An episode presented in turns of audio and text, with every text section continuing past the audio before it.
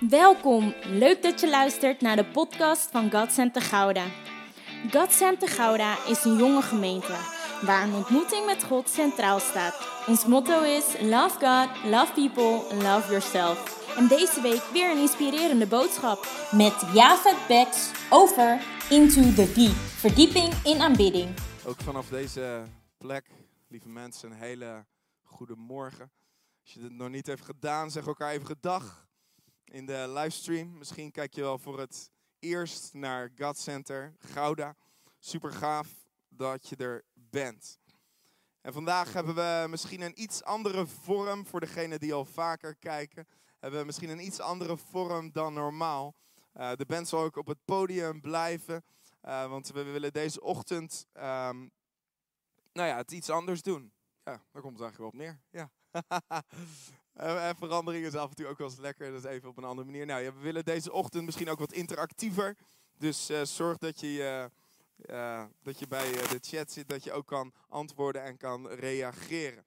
En we willen deze ochtend je gewoon echt meenemen eigenlijk in een verhaal. En um, de laatste tijd als ik mensen spreek en um, spreek over de tijd waarin we zitten en dan vraag wat is eigenlijk hetgene wat je het meeste mist, dan zijn dat eigenlijk twee dingen die ik hoor. Het eerste is wat mensen zeggen, is het, het onderlinge contact, het samenkomen. Herkennen we dat mensen hier in de zaal? Ja, het, het samenkomen. Nou, dat wordt nog enigszins gecoverd. Dat wordt nog gecoverd door uh, alle ouders die hier uh, op zondag hun kinderen komen ontmoeten en dan op anderhalve meter voor de deur uh, nog even met elkaar staan te praten zonder bakkie koffie, maar wel nog even eerlijk, dus het ontmoeten. Uh, het wordt gecoverd door op, uh, op dinsdagavond de trainingen, op woensdagavond de gebedsdienst, de, de jeugd, de tieners. Dus er zijn nog gelukkig een heel aantal vormen waardoor we samen kunnen komen. Maar het tweede wat ik eigenlijk heel veel hoor, en dat hoor ik niet alleen hier, maar op meerdere plekken eigenlijk in het land, en dat is eigenlijk het samen God aanbidden. Herkennen we dat? Ja, herkennen we dat? Ja, ja. Het, het samen zingen, het samen God aanbidden. Nou, hier staat nog iemand, ik mis dat. Ik was donderdag, waren we heerlijk aan het oefenen met de band. En uh, het was super, maar ik dacht, oh, oh, oh man, wat, wat wil je graag dat met elkaar als gemeente doen? Het samen zingen voor God. En dat is een ding wat zeker is, want in de tijd waarin wij leven en ook in, in het kerk zijn, heeft dat samen zingen heeft een prominente plek gekregen in ons samen zijn. En dat is niet voor niks. Um, en misschien dus ook wel in ons geloofsleven heeft dat samen zingen, dat zingen, heeft een prominente plek gekregen. Maar als je goed kijkt en leest in de Bijbel en kijkt in de Bijbel als het gaat over aanbidding, dan is het samen zingen, het samen zingen zoals wij dat kennen, dat is een vorm van aanbidding. En begrijp me niet verkeerd, het is voor mij ook een hele belangrijke vorm. Um, doe het een hoop, we doen het een hoop. Maar als je goed kijkt naar wat in de Bijbel staat, is het een vorm van aanbidding. Die wij misschien wel hebben verheven tot de vorm. En op het moment dat dat dus wegvalt en dat de vorm in ons leven is als het gaat om het aanbidden van God, dan, dan valt misschien dat hele aanbidden van God wel weg. Maar als je goed kijkt, deze, we willen deze ochtend kijken naar verschillende vormen die eigenlijk staan in de, in de Bijbel. Woorden die staan in de Hebreeuwse context. Die gaan over het aanbidden van God. En die misschien juist in deze tijd waarin we nu leven wel belangrijker zijn geworden dan ooit tevoren. Omdat het samen zingen, het samenkomen allemaal wat minder is geworden. Deze ochtend wil ik met jullie eigenlijk vier vormen bespreken. En ik zei het is allemaal wat anders. En daarom ook wil ik, ik zal het even uitleggen, we gaan die vorm bespreken, gaan er wat over delen vanuit het woord. En daarna gaan we, het ook, gaan we een lied daarover zingen en willen we het ook toepassen. Dus we willen iets horen en we willen het doen. Amen? Oké. En misschien is dat uh, vanuit je eigen huiskamer wat ongemakkelijk. Nou, weet je, ontspan. Er is, uh, er is gewoon uh, niemand die je ziet. wij niet, wij zien je niet. Dus weet je, als, als we het hebben over een vorm. Um, nee, ik wil je gewoon uitdagen om dat te doen. Want ik, ik geloof dat het sleutels zijn die je mee kan nemen in je eigenlijk dagelijkse leven. En dat kan toepassen gewoon in de dagelijkse praktijk. Dus niet alleen van zondag afhangt, maar van morgen, van maandag, dinsdag, woensdag, donderdag, vrijdag, zaterdag, de hele week eigenlijk. En die we uiteindelijk kunnen leren, juist nu in deze tijd als we elkaar niet zien. En moet je nagaan als we elkaar dan weer zien en al die vormen weer meenemen naar de kerk. Amen. Wat een verrijking is dat dan voor ons geloofleven, maar ook voor ons als gemeente van Jezus. Amen. Ik wil de eerste wil mee beginnen. En daar heb ik een tekst bij en die staat in Psalm 46, vers 11. Misschien wel een hele bekende tekst. En daar staat: Wees stil en weet dat ik God ben.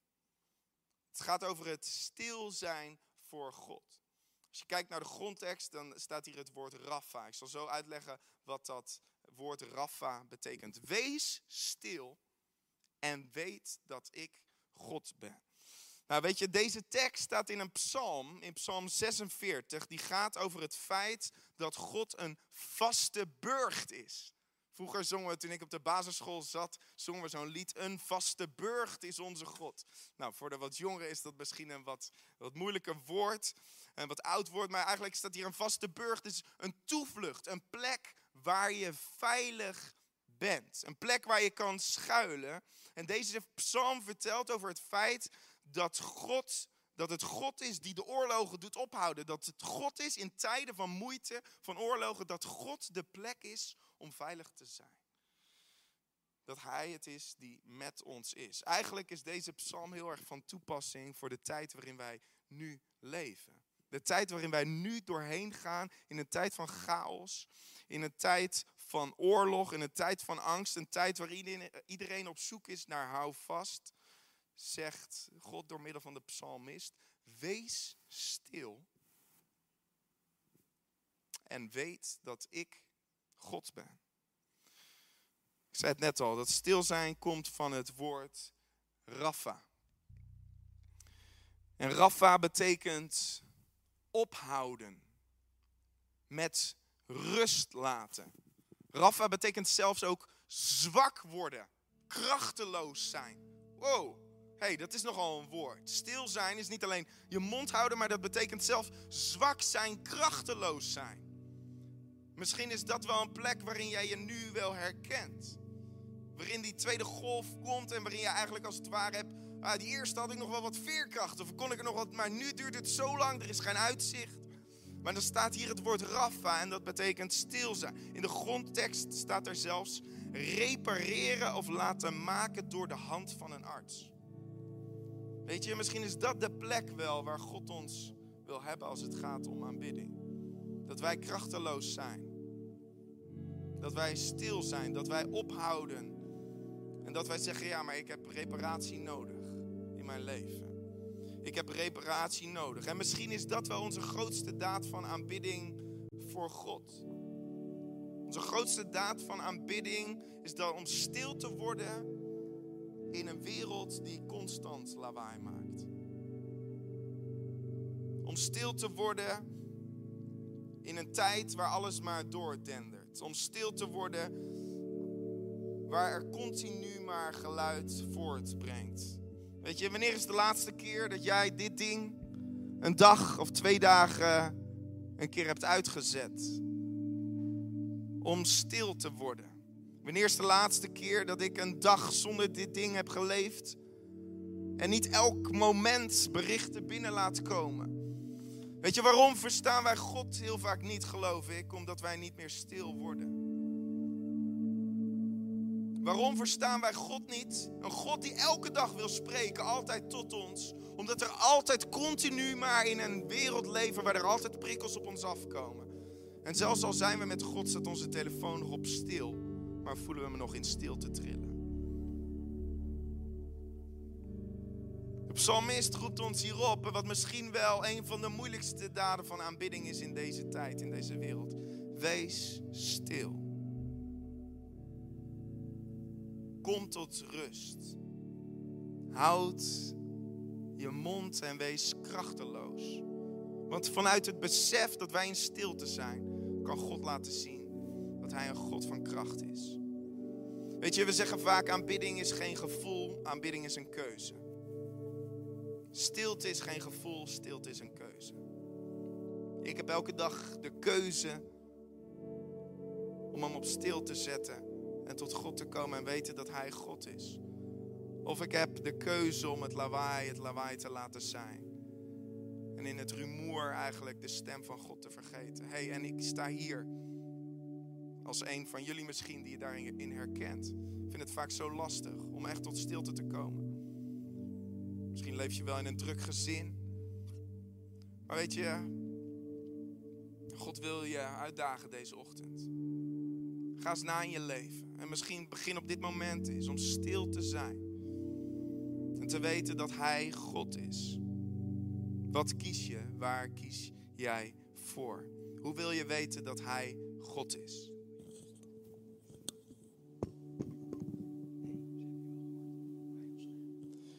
Hoe wil je weten dat ik God ben? Wees stil en weet dat ik God ben. dat is het eerste eigenlijk voor deze ochtend. Rafa. Rafa, het stil worden in aanbidding voor God. Wij denken vaak stil zijn, ja, dat is voor mensen die niks te zeggen hebben. nee. Iedereen, God roept op om een daad van aanbidding. Wees stil. Wees krachteloos. Wees misschien juist in deze tijd. Wees stil. En weet dat Hij God is. Weet je, we willen een lied zingen wat hierover gaat. Wat gaat over het stil zijn voor God. Ik wil je uitdagen. Misschien zit je met kinderen, is het misschien wat lastiger, maar ik wil je uitdagen om stil te zijn. Misschien een moment je ogen te sluiten, gewoon te luisteren naar deze woorden. En te weten dat Hij God is.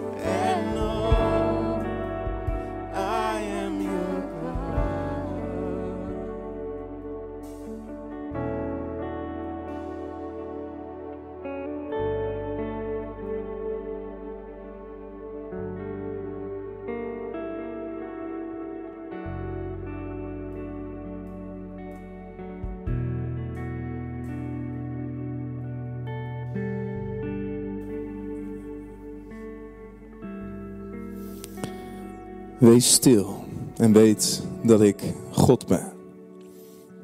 Dat is het eerste deze ochtend.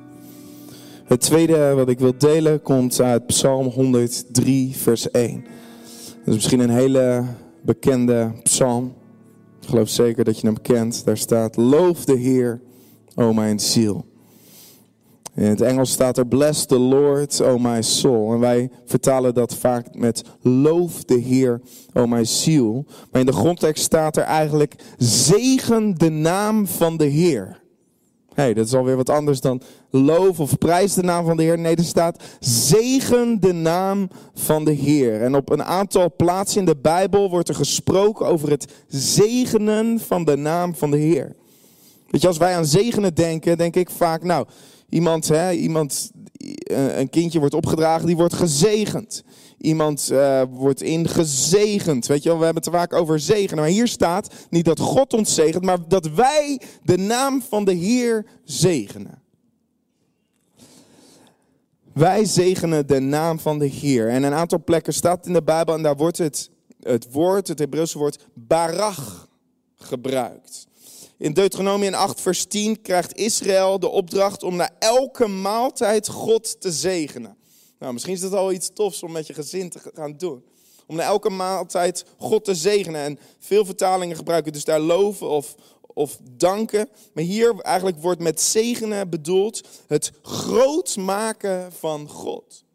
En eigenlijk als je kijkt in, in, in de Joodse traditie, zie je dat er op heel veel plekken in hun leven wordt de naam van God gezegend.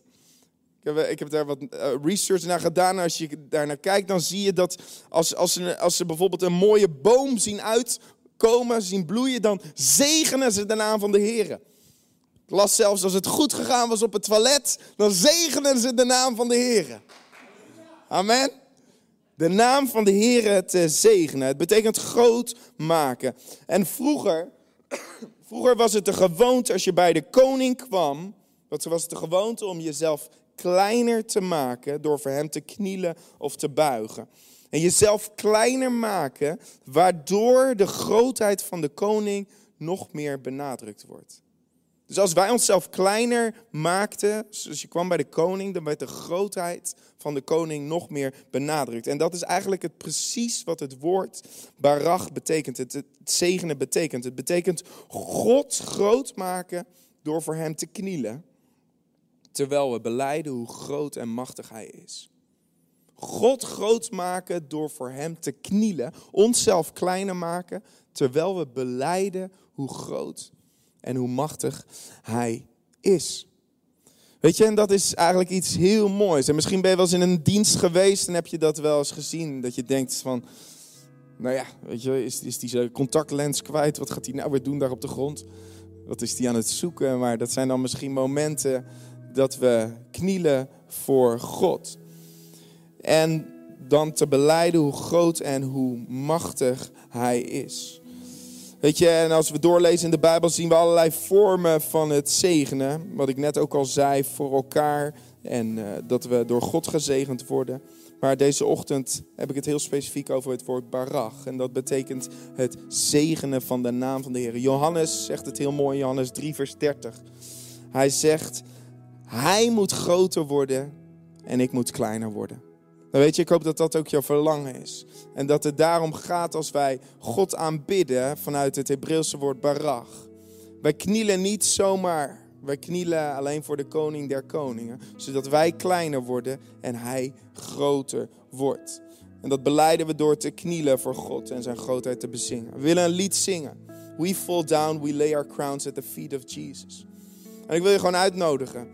Misschien heb je het al vaker gedaan, misschien heb je het nog nooit gedaan. Nou weet je, je, je zit nu misschien veilig in je eigen huis. Als je wil mag je even de gordijnen dicht doen hoor. Wat je, wat je zelf prettig vindt. Maar om een moment om te knielen voor God, zodat wij kleiner worden en Hij groter en we zijn grootheid bezingen. Amen. We fall down, we lay our crowns at the feet of Jesus.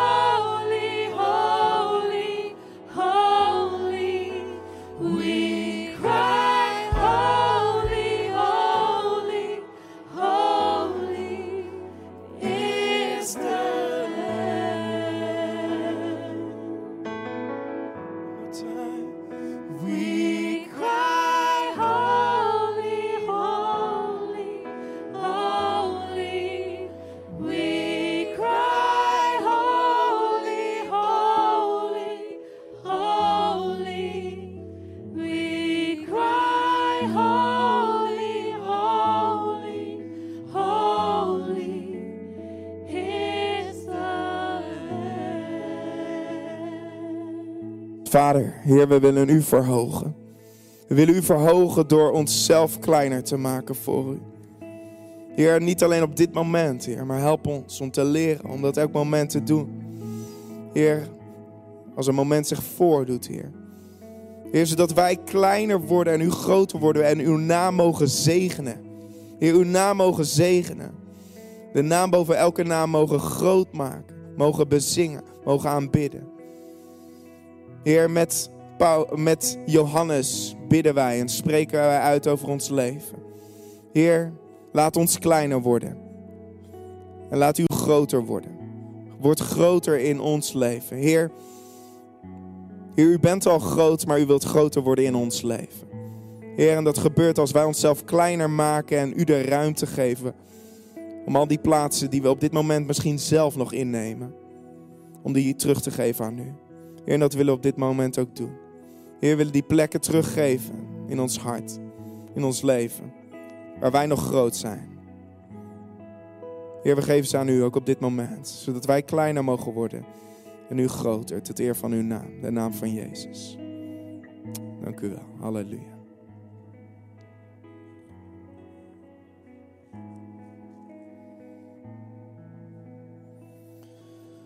We mogen de naam van de Heer Jezus mogen wij zegenen. De naam van God. Barach. Zegen de naam van God. Het derde woord wat ik met jullie wil delen vanuit de grondtekst is het woord yada. En yada betekent eigenlijk met opgeheven handen. Weet je, soms doen we dingen omdat we ze zo gewend zijn. En soms doen we dingen niet omdat we niet weten wat het inhoudt of omdat we het niet gewend zijn. We doen vaak zoveel dingen vanuit gewoonte, toch? Ik sta er hier nog een, we zijn vaak gewoontedieren. Amen. We zijn schaapjes, meh, en we volgen wat wij doen vanuit gewoonte. En het, het opheffen van handen is soms ook zo'n ding. In de ene kerk gebeurt het wel bij elk lied. Dan sla je één akkoord aan en staat iedereen met zijn handen omhoog en bij de andere gebeurt het helemaal niet. Eh, maar als we in de Bijbel zien en lezen, dan staat er op een heel aantal plekken waar we worden opgeroepen om God te aanbidden met opgeheven handen. Het is een daad van aanbidding. Een daad eigenlijk van overgave. En waarom doen we dat nou? Weet je, maar eigenlijk als we het doen, dan komen we eigenlijk met lege handen. Ja, want vaak proberen we eerst krampachtig het zelf te houden, maar als we aanbidden, dan openen wij onze lege handen en geven we die als het ware als een verlengstuk van ons hart.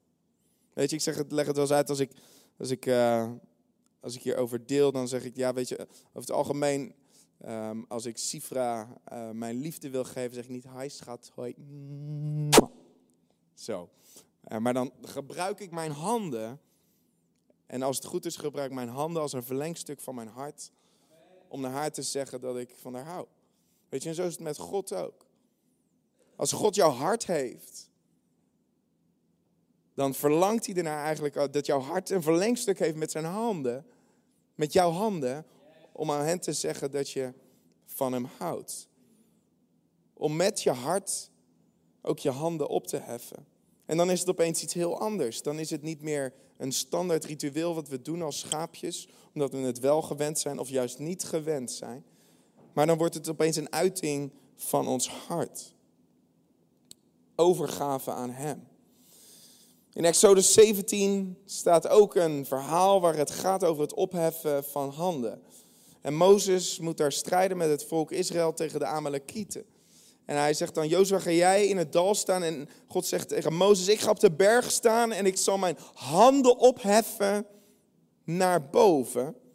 En dan staat er op het moment dat hij zijn handen opheft naar boven, is er overwinning in het dal daar. En op het moment dat zijn handen zwaar worden en zakken, heeft Amalek de overhand. Dus wat gebeurt er? Naast Mozes komen Aaron en Hur te staan. Aaron was de hoge priester, dus het beeld van de Heilige Geest. En Hur was eigenlijk een man van het volk, dus het beeld van je broers en zussen. En eigenlijk die gaan allebei een, een hand gaan ze ondersteunen. Dus eigenlijk, je mag ook al weten, op het moment dat jij, als het gaat over aanbidding en overgave, dat je dat niet alleen doet, maar dat we dat ook met elkaar doen. En dat je ondersteund wordt door de Heilige Geest en door je broers en door je zussen. Maar hij gaat het ondersteunen, hij houdt ze omhoog en zo. Ze pakken er zelfs een rots bij. Om op te, dat is het beeld van Jezus. Ze worden ondersteund door Jezus in die strijd. En zo behalen zij de overwinning. En dan in, in dat einde dan staat er ehm, dat, ze- dat Mozes een altaar bouwt. En dat hij zegt, de Heere is mijn banier. En dan staat er in het, eh, dan eindigt hoofdstuk, Exodus hoofdstuk 17 in vers 16. Als het goed is, komt die even op de beamer. Exodus 17 vers 16 op het scherm, daar staat... Hij zei, voorzeker de hand op de troon van de Heere. De strijd van de Heere zal tegen Amalek zijn van generatie op generatie. Nou, Allereerst denk je misschien van, lekker bemoedigend. Amalek is hier het beeld van de vijand, van de tegenstander. Dus de, de vijand zal een strijd aangaan van generatie tot generatie. Nou, dat is niet echt heel bemoedigend. Dus die strijd met de tegenstander zal er altijd zijn, je hele leven. Maar er wordt hier een sleutel gegeven om die strijd aan te gaan. Want hoe? Hij staat de hand op de troon van de Heer. Weet je, op het moment dat je je hand opheft, is dat niet alleen een verlenging van jouw hart. Niet alleen een, een daad van aanbidding, niet alleen een daad van overgave. Maar ook een daad van zegt, Heer, ik kan het niet, ik weet het niet. Ik leg mijn hand op uw troon. Want in u, in u wie u bent en op uw troon is alle overwinning. Want als ik mijn hand op uw troon weer, weet ik dat u voor mij strijdt. Want dat is wat er gebeurde in dat verhaal. Weet je, als jij je hand op de troon legt, de troon waar de wilsbesluiten van God plaatsvinden, de troon waar God regeert, de troon waar kracht is, de troon waar wijsheid is, de troon waar openbaring is. En als jij ervoor kiest om daar je hand op te leggen, dat is wat hier staat, voorzeker de hand op de troon van God, dan vindt er als het ware een exchange plaats. Dan vindt er een wisselwerking plaats. Dan is het jouw dwaasheid, wordt ingewisseld voor Gods wijsheid. Dan is het jouw tekort, wordt ingewisseld voor Gods inzicht. Jouw beperking wordt ingewisseld voor Gods openbaring. Jouw zwakheid wordt Gods kracht. En daarom is het niet alleen een hand van het is voor het plaatje. Nee, als jij met je hart als verlengstuk je handen opheft en je handen legt op de troon, dan vindt er een verandering plaats en dan vindt er overwinning plaats. En dat is wat we hier zien in Exodus 17. Weet je, en daarom is het zo'n belangrijke daad van aanbidding. Daarom is het zo belangrijk om onze handen op te heffen. Om te zeggen, Heer, ik geef u mijn hart, ik geef u mijn handen, ik geef u mijzelf in overgave. Maar ik beleid ook dat ik het zelf niet kan en dat ik u vraag op hetzelfde moment om voor mij te strijden. Want die strijd tegen Amalek, die strijd tegen het vlees, die strijd tegen de duivel, de strijd tegen het kwaad, de strijd tegen het donker, dat gaat ook nu, op dit moment in je leven misschien gaande. Zeg God, hé, hey, lieve zoon, lieve dochter, leg je hand op de troon. Leg je hand toch op de plek waar jouw hand moet zijn. Leg jouw hand toch op de plek waar ik kan ingrijpen met wie ik ben. Weet je, met onze handen aanbidden we God.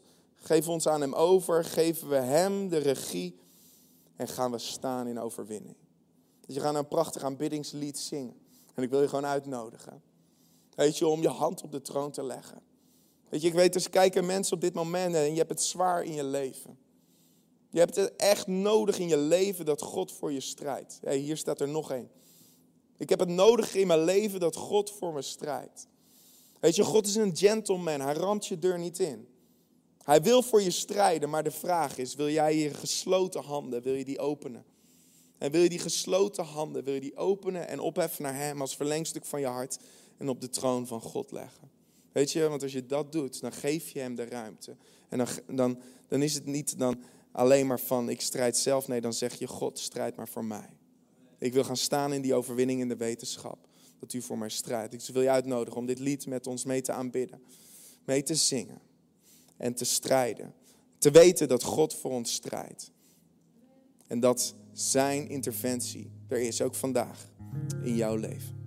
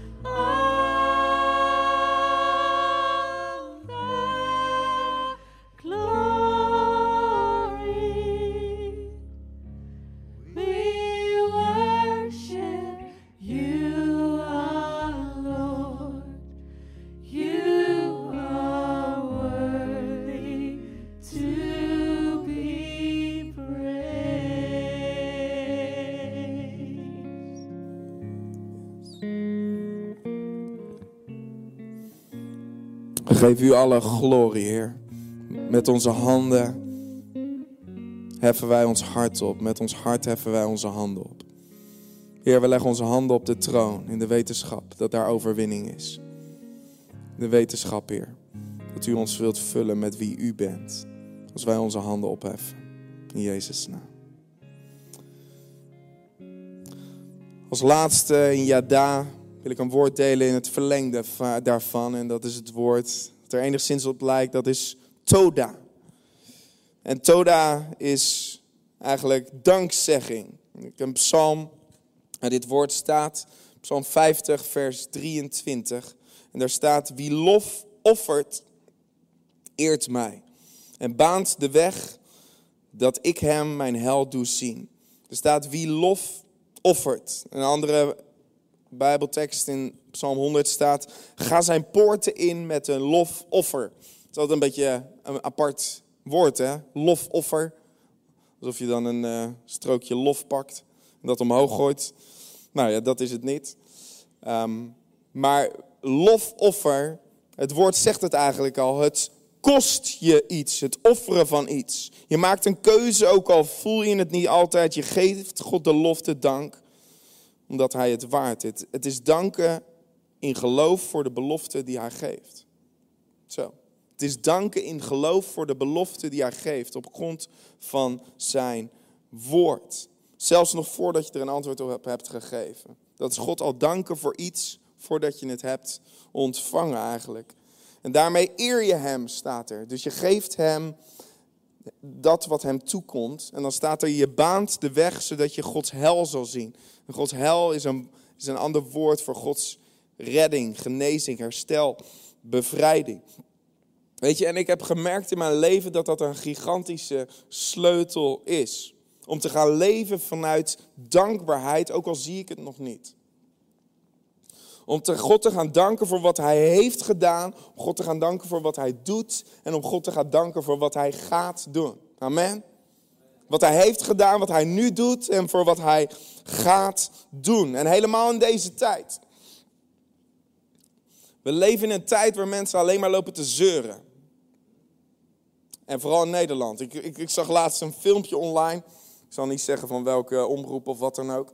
Maar er ging een interviewer die ging mensen vragen naar hun eh, mening over de overheid. Wat vindt u van de overheid? Ja, slecht. Oh, nou wat vindt u dan slecht? Ja, Rutte. Maar Rutte, waarom is die dan slecht? Ja, moeilijk. Ik zeg, en toen vroeg hij, nou, he- heeft u, eh, heeft u een salaris? Ja. En uiteindelijk vroeg hij heel veel, stelde die interview een aantal vragen waar hij eigenlijk alleen maar ja kon zeggen. En diegene die geïnterviewd werd, die, die, die droop eigenlijk een beetje af en die moest zijn mond houden. Want eigenlijk zag, kreeg hij een spiegel voor dat hij alleen maar liep te zeuren op dingen die er niet waren. Maar die waren er ook eigenlijk niet. Hey.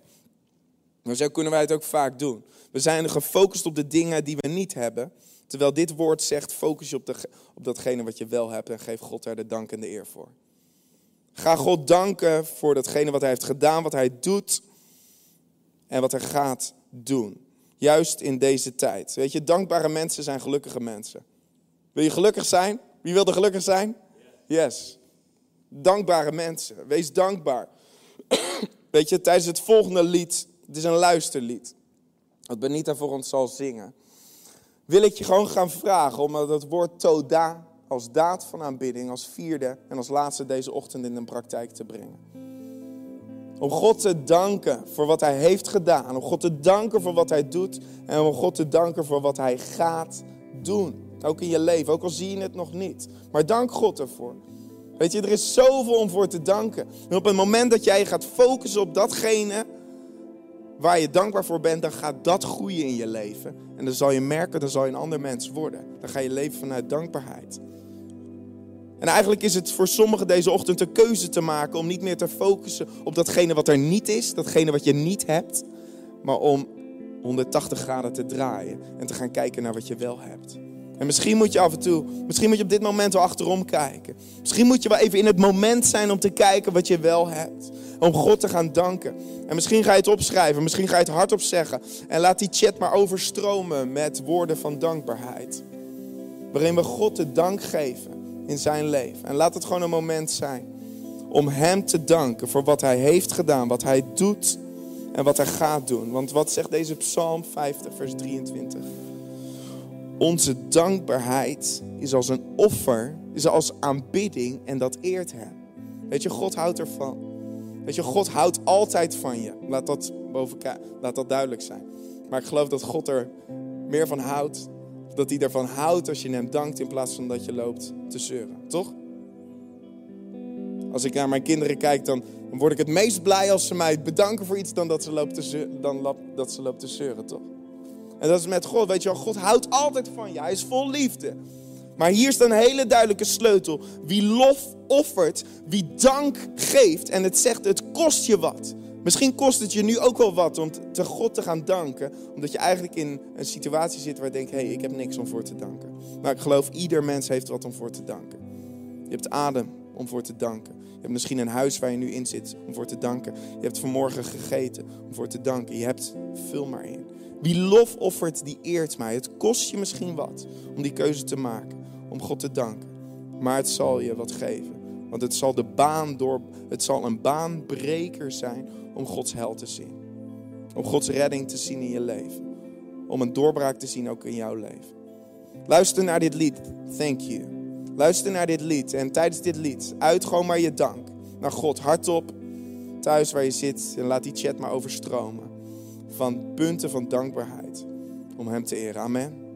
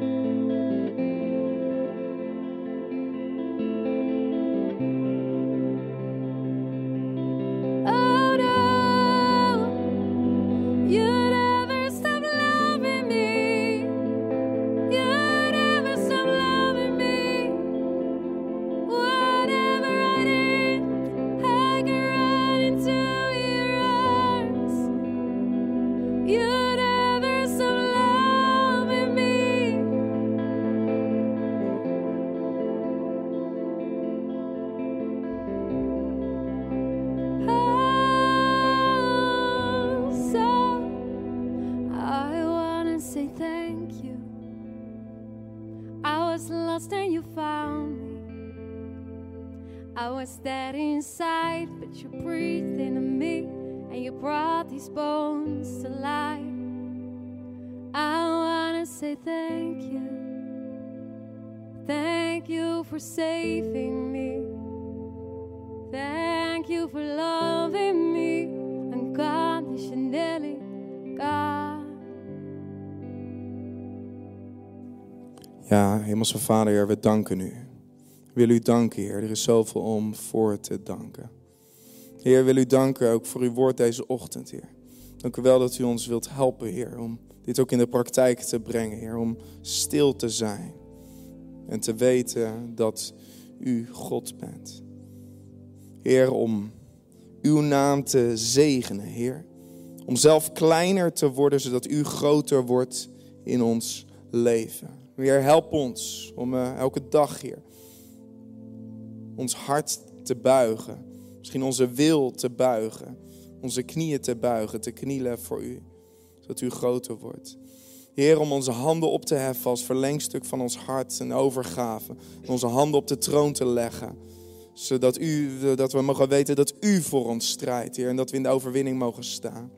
Heer, en om te leven vanuit dankbaarheid. Heer, want als wij onze lof offeren, onze dankbaarheid offeren, zal u een weg banen, ook in ons leven. Heer, en ik bid voor ieder die kijkt deze ochtend. Heer, ik bid dat dit woord, Heer, als een zaad zal zijn, geplant zal worden in ons hart, Heer. Dat we niet alleen maar horen, Heer, maar dat we het wortel zal schieten en dat we het toe mogen passen in de praktijk. Heer, help ons, Heer, om de tijd te vinden. Misschien niet te vinden, maar om de tijd te maken. Om de tijd te maken om voor u stil te zijn. Om uw naam te zegenen. Om onze handen op te heffen om u te danken. Tot eer van uw naam. De naam van Jezus. De naam boven elke naam. Want u bent het zo waard. In Jezus' naam. Halleluja. Amen. We hopen dat deze boodschap je geïnspireerd, geactiveerd en gemotiveerd heeft in je wandel met God. Deel deze boodschap ook op je socials, zodat vele anderen met jou hierdoor geïnspireerd mogen worden. Ontmoeten we elkaar snel een keer? Zondag om 10 uur tijdens de livestream van God Center Gouda.